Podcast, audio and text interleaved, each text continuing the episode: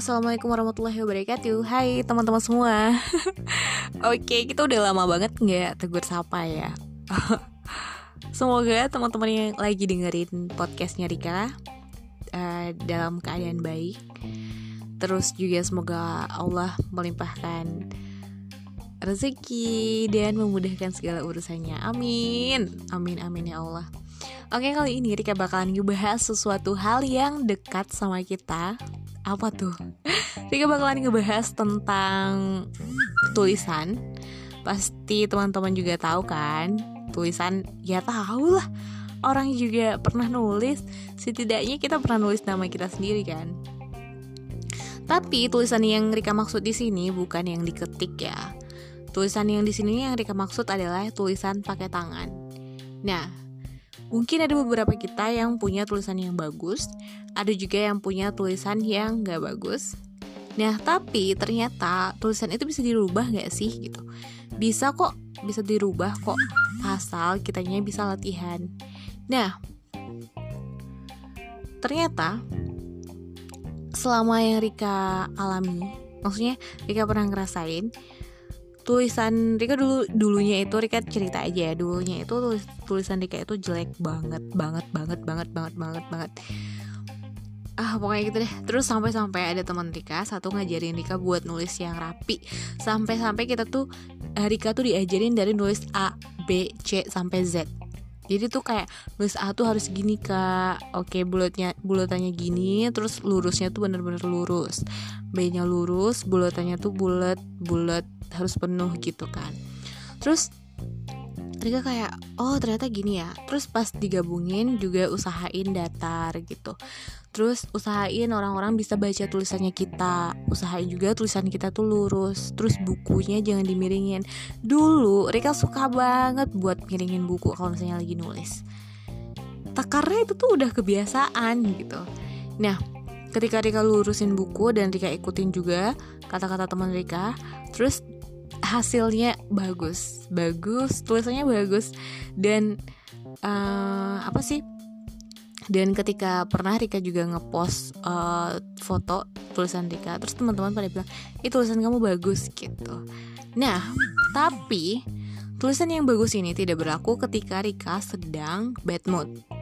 Ketika mood moodnya lagi buruk gitu tulisan yang jelek dulu itu kembali gitu. Jadi kayak moodnya kita itu mempengaruhi gaya tulisannya kita. Jadi kalau misalnya Rika kan lagi belajar nih ya.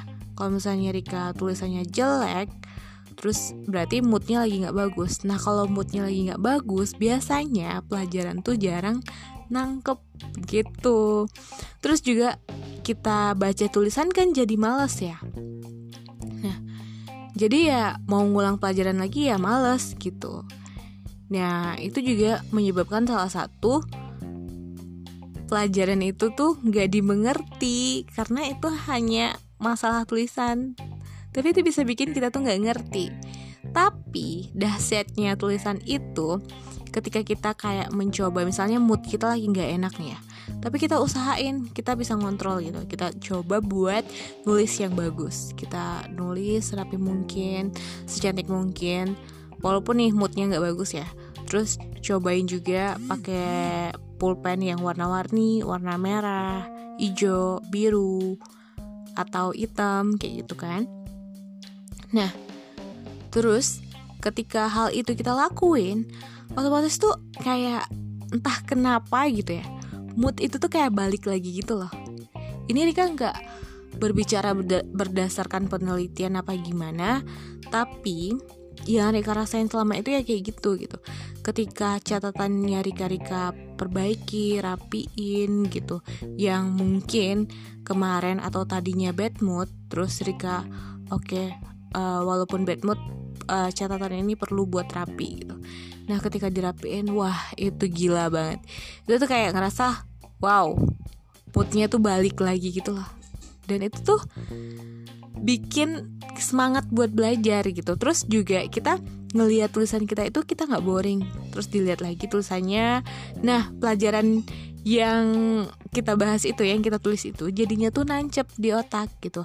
Nah karena gaya tulisan kita itu rapi kita tuh kayak bisa nginget letaknya tulis kita tulis itu gimana kayak gitu. Terus Rika juga kayak ngebandingin juga. Ada teman Rika dia pinter pinter banget nah ternyata emang tulisan dia itu bagus gitu. Bagus dan orangnya itu emang tertata gitu loh.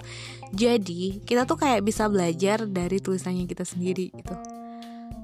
Dan kita itu juga bisa pinter dari tulisannya kita sendiri. Dan tulisan yang jelek itu tuh bisa dibentuk gitu. Jadi nggak selamanya kayak orang ah aku emang tulisan aku jelek ya udah gitu. Enggak semuanya itu bisa dibentuk. Dan kalau misalnya kita lagi bad mood kita usahain buat bikin tulisan yang bagus itu juga mood kita itu bakalan jadi meningkat. Nah jadi itu jadi kayak Erika ngerasa oke okay, tulisan yang bagus ini emang bener-bener perlu. Nah dulu uh, Rika ngeliat teman Rika juga ini tentang menulis diary sih lebih tepatnya diary. Oke nanti Rika bahas ya kalau misalnya buat nulis diary ini teman Rika nulis diary dan dia usahain tulisan dia itu bagus karena ini bakalan jadi memori kan? Nah ketika dia menceritakan maksudnya dia menulis dengan rapi otomatis yang ditulis sama dia tuh emang bener-bener tulisan yang uh, kenangan yang bagus-bagus gitu. Jadi tulisannya positif dan isinya juga positif dan jadinya kenangan itu juga kenangan positif.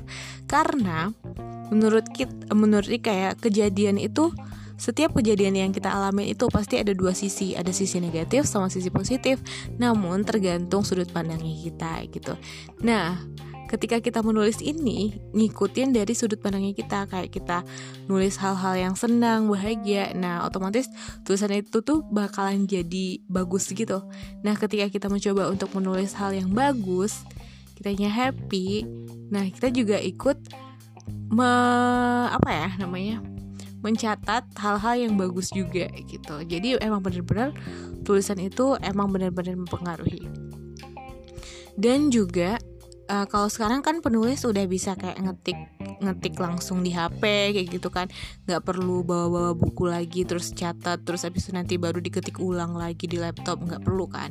Soalnya sekarang kan udah canggih banget ya nggak sih? Kita bisa nulis di mana pun pakai HP gitu. Nah cuman yang Rika rasain bedanya nulis di HP langsung atau di laptop langsung sama nulis di tangan itu beda banget rasanya. Kayak gimana ya? Kayak lebih asik aja gitu. Tapi kalau misalnya buat kita nulis yang cepat kalau misalnya kita butuh deadline ya kita harus nulis pakai apa namanya pakai HP harus diketik gitu. Tapi kalau misalnya buat kalau buat diary gitu dikasaranin deh buat sering-sering nulis di kertas pakai pulpen gitu. Soalnya itu mempengaruhi buat mood banget dan itu bikin kita happy gitu.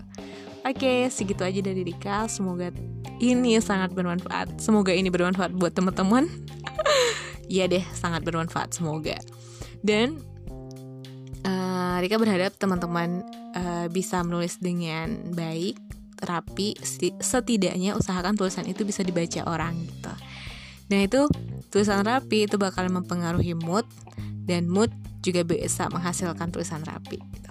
Oke, sekian, bye bye, terima kasih.